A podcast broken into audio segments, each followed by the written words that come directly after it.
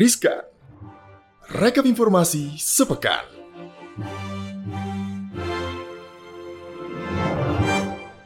Selamat pagi, selamat siang, selamat sore, selamat malam Sobat Cuan. Apa kabar? Kembali lagi di Riskan Rekap informasi sepekan. Ih lama banget gue gak masuk di program ini. Iya lama banget. Ih Gua seringan diriskan daripada lu sekarang. Ya maklum saya kan papan atas. Ibaratnya sama gue blue chip nih. Iya iya iya. Jadi maksud lo gue gorengan gitu.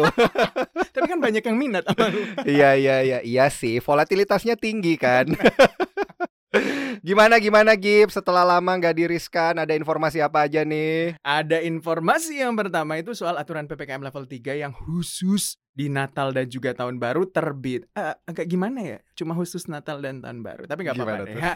Jadi karena pemerintah akhirnya mengeluarkan aturan resmi pelaksanaan pemberlakuan pembatasan kegiatan masyarakat atau PPKM level 3 untuk wilayah Indonesia. Aturan ini juga dituangkan dalam instruksi Menteri Dalam Negeri nomor 62 tahun 2021 tentang pencegahan dan juga penanggulangan coronavirus disease 2019 pada saat Natal tahun 2021 dan juga tahun baru 2022 gitu tuh Dani. Hmm, terus gimana tuh? Kok makin lama makin menghilang nih suara lu Gip? Hmm, aku Gak semangat lu? Semangat, semangat, semangat. Karena semangat, semangat, semangat. ya akhirnya gue gak jadi Ini- cuti lagi. Nah itu dia. Gue gua pikir kayaknya gara-gara aturan ini lu jadi nggak semangat nih kayaknya. Harus semangat Gimana sih aturannya? yang di duku apa apa yang dikeluarkan oleh pemerintah gue pasti dukung ya jadi aturan, aturan ini ditekan oleh Menteri Dalam Negeri Patito Karnavian di 22 November 2021 yang ditujukan kepada gubernur, bupati maupun wali kota. Pada diktum pertama nih, aturan ini juga menyebutkan kalau selama periode Natal ta- dan juga tahun baru 2022 ya, itu tentunya akan diaktifkan kembali fungsi Satuan Tugas Penanganan COVID-19 di masing-masing lingkungan di paling lama 20 Desember 2021. Oke, Hmm. baik ya. Jadi kemudian menerapkan juga protokol kesehatan yang lebih ketat dengan pendekatan 5M yaitu memakai masker, mencuci tangan, pakai sabun, hand sanitizer, terus menjaga jarak, mengurangi mobilitas dan menghindari kerumunan serta 3T juga testing, tracing dan juga treatment nih Hmm, Daniel ya. tapi bukan- kalau buat Gibran tambah satu lagi trading Wah, ya bener. Makanya lu lama kan gak diriskan kan? gue nyerang mulu ya. Oke nggak apa-apa lah Oke. ya biasa yang diserang emang gitu. Jadi selain itu juga melakukan percepatan pencapaian target vaksinasi terutama juga pada uh, vaksinasi lansia sampai dengan akhir Desember 2021 dan juga melakukan koordinasi dengan Forkopimda dan pemangku kepentingan lainnya serta pemangku kepentingan diminta juga untuk melakukan sosialisasi peniadaan mudik Nataru kepada masyarakat. Uh, selain itu juga diminta untuk melakukan imbauan kepada masyarakat untuk tidak bepergian, tidak pulang kampung dan dengan tujuan yang tidak primer alias tidak penting dan tidak mendesak. Kalau terdapat pelanggaran akan dilakukan pemberian sanksi sesuai dengan ke apa ya? aturan perundang-undangan. Baik, sedih gak sih Gip? Enggak, Biasa aja ya. biasa aja Biasa. gitu ya. Karena lu udah bakal udah udah terlatih gitu Oh, Nggak udah terlatih. Enggak mudik 2020. Enggak Iya, mudik mau 2021. gimana ya. Kita kan. sebagai warga yang taat harus mengikuti aturan-aturan pemerintah yang berlaku ya, apalagi kalau emang ini tujuannya untuk menekan angka penyebaran COVID-19 di akhir tahun nanti. Nah, benar banget. Informasi yang kedua Apa ini tuh? terkait dengan pergajian nih, Gib. Ini menyenangkan nih kayaknya nih. Ya kali. Coba kita lihat dulu apa isinya. Gajinya itu Rp 8 juta sebulan. Semuanya kena pajak, Bu Sri Mulyani. Nah, ini Untung saya 2 juta 500, Bu. mungkin saya 7 juta 950. Nggak kena kan kalau Iya. di bawah itu Oh, kan udah saya berarti kan? 7 juta 999 ribu aja ya. Jadi saya nggak kena nih. Baik. Nah, karena informasinya menarik banget, Gip. Menteri Keuangan Sri Mulyani Indrawati mengungkapkan aturan baru pajak penghasilan untuk wajib pajak orang pribadi. Nah, di sini kata-kata Bu Sri Mulyani itu adalah banyak masyarakat, khususnya generasi milenial bertanya, kalau gaji 8 juta rupiah berapa pajaknya? Cara ngitungnya gimana? Dan kadang-kadang yang ngerasa kalau 8 juta rupiah eh, seluruhnya itu katanya kena pajak. Ya enggak juga ya, akan dikurang PTKP dulu. Nah, ini Hmm. yang dikatakan oleh Sri Mulyani dalam kick off Undang-Undang HPP yang dikutip 22 November lalu. Pemerintah juga menambahkan lapisan tarif pajak penghasilan atau PPH untuk wajib pajak orang pribadi di mana tarif sekarang menjadi lima lapisan dari sebelumnya hanya empat lapis. Berapa lapis? Penambahan eh, banyak. Ratusan. Oh lu ratusan ya. Gue nggak kehitung makanya bilangnya banyak gitu. Pemerintah juga menambah lapisan tarif pajak penghasilan eh, di mana penambahan lapisan tarif ini tertuang dalam Undang-Undang Nomor 7 Tahun 2021 tentang harmonisasi peraturan perpajakan atau HPP. Selain itu besaran nilai untuk dikenakan tarif pada lapisan pertama juga dirubah. Hmm. Jadi udah ditambah lapisannya dirubah pula gitu ya. Sri Mulyani menyatakan untuk PPH ditambahkan satu bracket yang penghasilannya di atas 5 miliar rupiah menjadi 35 persen. Sebelumnya maksimum bracket adalah 30 persen. Tapi tenang aja, Mhm. ini untuk mereka yang penghasilannya di atas 5 miliar rupiah Gib. Oke. Nah, Gua- Gibran kena, kena kan lu? iya 5 mil mil Miliar, mil miliar. Udah aminin dulu aja lah ya 5 miliarnya ya. disolawatin gitu kan supaya bisa 5 miliar. Nah, menurutnya ini dilakukan untuk memberikan keadilan dan menurunkan kesenjangan antara pegawai yang berpenghasilan kecil dan yang berpenghasilan besar atau orang kaya. Mhm. Dengan perubahan ini, maka tarif penghasilan kena pajak saat ini menjadi Berapa tuh?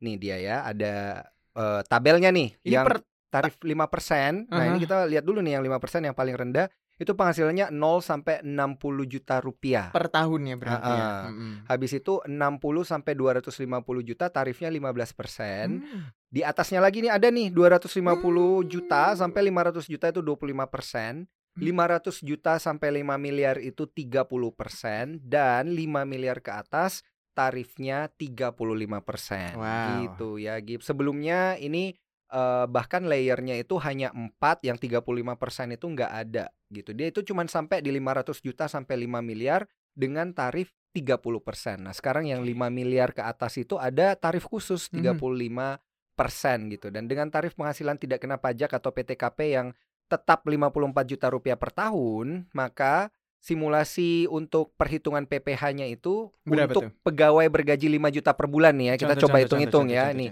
Nih kalau ada satu orang penghasilannya 5 juta per bulan, maka Mhm. per tahunnya kan 60 juta tuh Benar. karena dikali 12. Nah, untuk Mhm. menghitung besaran pajaknya, maka penghasilan per tahunnya dikurangi dengan PTKP yaitu 60 juta. Kita kurangin dulu dengan PTKP 54 juta. Mhm. Itu kan sama dengan 6 juta. Benar.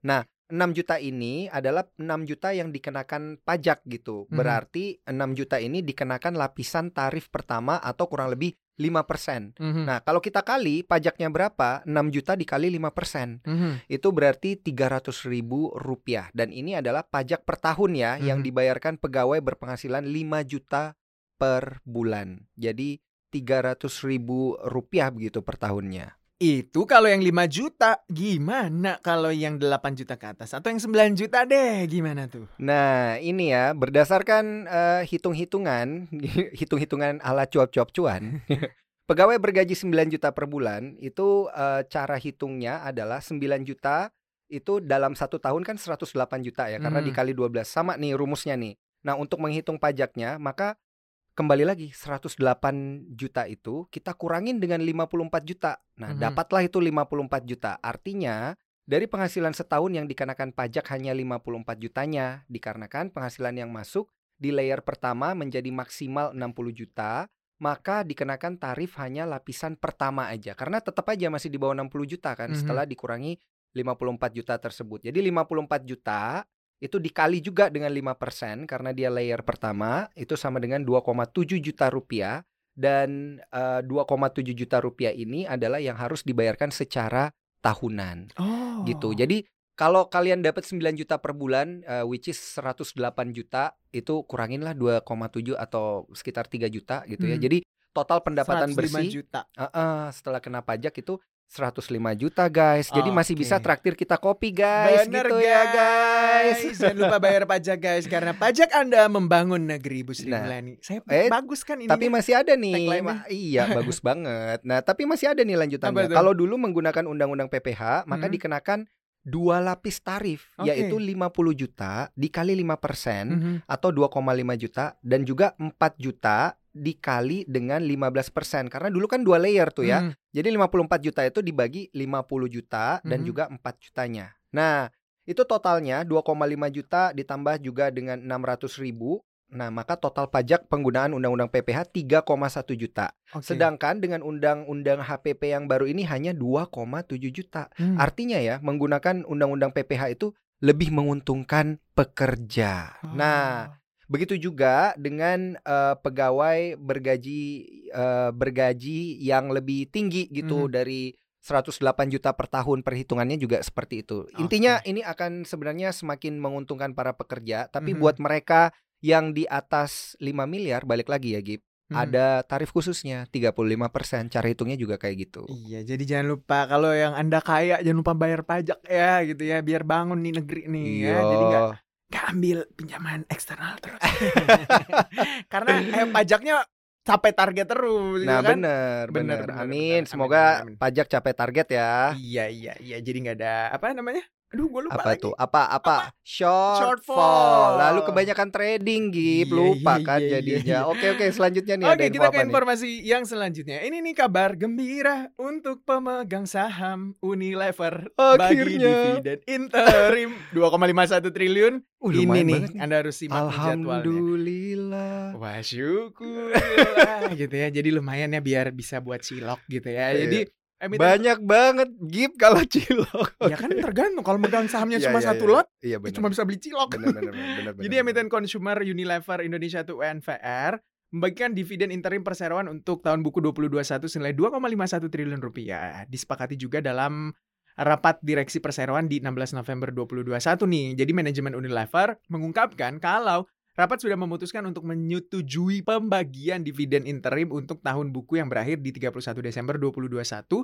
sebesar Rp66 per saham atau seluruhnya 2,517 ya Mhm. triliun rupiah gitu. Jadi banyak Ini nih nolnya duitnya. banyak nih soalnya Iya, guys. Jadi lio- 2,517 triliun rupiah lah. Pokoknya Mm-mm. banyak lah nolnya ya. Kalau Anda pegang nggak bisa juga ya. Jadi dividen interim ini juga bersumber dari perolehan laba bersih yang berakhir di 30 Juni 2021. Dividen ini juga dibagikan kepada seluruh pemegang saham yang namanya masuk dalam daftar pemegang saham perseroan sampai dengan 1 Desember 2021 pukul 16.00 waktu Indonesia Barat nih. Jadi kum Mhm. dividennya untuk diperdagangkan di pasar reguler dan pasar negosiasi 29 November 2021, ex dividen di pasar reguler dan pasar negosiasinya itu 30 November 2021. Kum dividen di pasar tunai 1 Desember Mhm. 2021. Adapun juga ex dividen perdagangan di pasar tunai di 2 Desember 2021 dan batas akhir tanggal pencantuman dalam DPS atau recording date di 1 Desember 2021 dan pelaksanaan pembayaran dividen interimnya di 16 Desember 2021 mendatang. Sebagai informasi nih, emiten bersandi UNVR ini juga membukukan perolehan laba bersih senilai 3,5 triliun rupiah di semester pertama tahun ini. Nah, dari informasi ini Sobat Cuan udah bisa ancang-ancang ya. Ini Gibran nih juga udah ancang-ancang nih kayaknya nih. Sebelum ex dividen udah dikoleksi ya sahamnya koleksi nanti aja dulu lah, dilepas, lumayan lah dapat dilepas. dividen gitu kan. dilepas sebelum ex dividen gitu ya, sebelum akhir recording date-nya. Biasanya sih kayak gitu ya, Hmm. menjelang pembagian dividen dia naik dulu, nanti eh, kalau udah ex dividennya dia udah turun lagi gitu karena Bener. tinggal menunggu pembagian dividennya aja. Tapi long story short, selamat buat yang pegang saham Unilever ya, berapapun itu jumlahnya akhirnya bisa dapat cuan dari dividen. Iya, Oke. itu, itu kerja keras kamu membeli Lifeboat. dan juga merek-merek lainnya ya, merek-merek Unilever lainnya. Ini bener nih, bener bener bener. Dan kita beralih nih ya dari informasi Unilever ke informasi selanjutnya yaitu Wah ini menarik banget nih, makanya ditaruh di yang keempat nih Mm-mm. tentang game bro. Apa itu? Tak lagi bebas, Free Fire dan PUBG CS bakal diatur Kominfo. Lu tahu Oke. nggak nih game yang mana nih? Eh, tahu. Yang mana? Perang-perang kan? Iya baik, baik. Bener ya ada benernya Oh, sih. iya, iya, ya. bener, bener. Tembak-tembakan bro. Iya, iya. Ini yang pakai ini ya, apa namanya? Apa? Apa sih orang biasa beli? apa? Apa tuh yang bisa Apa dibeli? tuh? Apa tuh? Diamond. Eh, Diamond. Diamond kan? Diamond, iya, iya. Diamond iya. Bukan lagu Rihanna ya, Shine Bright like a Diamond bukan cuy. Diamond ini Aduh, Diamond. Gibran nih ke- kelihatan banget nih ya dia handphonenya buat trading nggak udah nggak pernah main game lagi. Iya, berarti gue calon suami idaman kan Eh, yang iya, sekarang di Eh tergantung megangnya sama apa. kan maksudnya yang biasa dikeluhin istri itu kalau suka main game terus. Oh kan. iya iya iya benar Bener, benar bener, benar. Tapi nggak apa-apa kalau atlet e-sport ya. Iya, Oh, lanjut Bos. pembelaan pembelaan. Iya iya iya. Ya jadi Free Fire dan PUBG ini kan game first uh, person shooter gitu ya, game perang-perangan Mhm. ya, tembak-tembakan yang kayak Gibran bilang tadi. Di mana game ini uh, adalah juga game buatan luar negeri seperti uh, Counter Strike ya, sama kayak Free Fire dan PUBG ini akan diatur oleh Kementerian Kominfo. Mhm. Permainan tersebut akan wajib mengikuti aturan yang saat ini dalam proses revisi dari regulasi peraturan Menteri Kominfo nomor 11 tahun 2016. Aturan mengatur mengenai klasifikasi permainan interaktif elektronik atau Indonesia Game Rating System. Nanti namanya seperti itu ya. Mhm. Dan ternyata informasi ini mendapatkan respon langsung dari Direktur Jenderal Aplikasi Informatika Kementerian Kominfo, Samuel A. Pangerapan, yang Mhm. menjelaskan regulasi tersebut sedang dalam proses revisi. Oke. Dengan begitu, seluruh game melakukan pendaftaran dan ikut dalam aturan itu. Hmm. Kalau kita lihat ya Gip ya, Mhm. Belum lama ini nih, walaupun lu nggak main game ini ya, Iya, baru diselenggarakan. Temen mohon maaf nih ya, mohon maaf. Hmm. Nanti habis ini kita main lah ya. Iya, iya. Nah, peraturan eh, ini ya belum lama eh, belum lama ini dikatakan juga baru diselenggarakan Indonesia Game Developer Exchange 2021. Hmm. Acara tersebut terdiri dari IGDX Academy, IGDX Business, IGDX Career, Mhm. dan IGDX Conference yang Wow. merupakan rangkaian kegiatan pelatihan, pengembangan, pendampingan, dan juga memperluas jaringan untuk pelaku industri dan pengembangan game lokal. Samuel juga mengatakan acara tersebut diharapkan bisa jadi akselerator untuk pengembangan game dalam rangka peningkatan kualitas produk dan juga bisnis. Selain itu, dia berharap IGDX menjadi pendorong sinergitas dan kolaborasi berbagai pihak. Menurut Hmm. Samuel, ekosistem game Indonesia punya potensi untuk berkembang. Ini terlihat dari landscape digital Indonesia, misalnya pengguna internet dalam negeri yang mencapai 202,6 juta orang atau 73% populasi Indonesia. Menurutnya juga, dengan durasi akses internet yang mencapai 9 jam setiap hari, ini adalah potensi digital yang patut kita manfaatkan terutama dalam menghasilkan game nasional yang berkualitas. Selain itu, Indonesia yang terdiri dari banyak budaya dan latar belakang juga bisa menjadi inspirasi pembuat game. Ini juga telah dilakukan karena beberapa game yang sudah diluncurkan mengambil cerita soal Candi Borobudur, hantu khas Indonesia, dan cerita tokoh dalam negeri. Menarik Wah. gak sih? Eh tapi gue suka main game. Game apa? Ada Ini lu mau klarifikasi Beneran kan? ada oh, pocong-pocong. oh, lu mainnya yang hantu-hantuan ya? Tapi bener ada game pocong-pocong itu kan cerita tokoh dalam negeri itu ya hantu khas Indonesia. Gue main cuy. Main. Udah itu doang gamenya. Itu doang main Eh, game selain itu, pocong-pocong. Aplikasi trading semua ya. Iya, selain itu aplikasi sekuritas isinya semua. Demi mencari cuan ya namanya juga cuap-cuap cuan. Tapi Benar.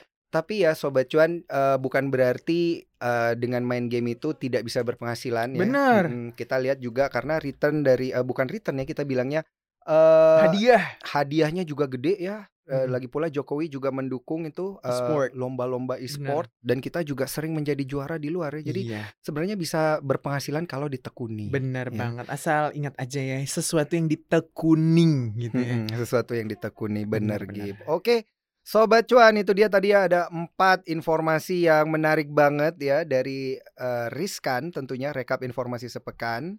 Tapi gue lebih suka lu yang bilang riskannya Ya gitu gimana? Itu dia tadi informasi dalam Riskan, rekap informasi sepekan. Mantap banget. Emang gue ya. cocoknya di belakang layar aja. Dan otomatis ya jangan lupa dengerin segmen-segmen kita yang lainnya juga di Spotify, Apple Podcast, Google Podcast dan juga Anchor. Cuap cuap cuan di YouTube juga ada ya. Kita banyak kok yang on YouTube begitu ya. Jadi Benar. kalian bisa ngeliatin kita juga sambil ngomongnya kayak apa gitu ya.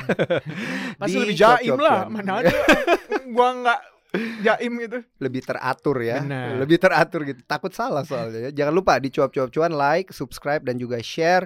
Dan yang terakhir jangan lupa follow kita di Instagram di cuap underscore cuan. Gua Daniel Guna pamit undur diri. Gua Gibran, sampai jumpa lagi. Dadah. Bye.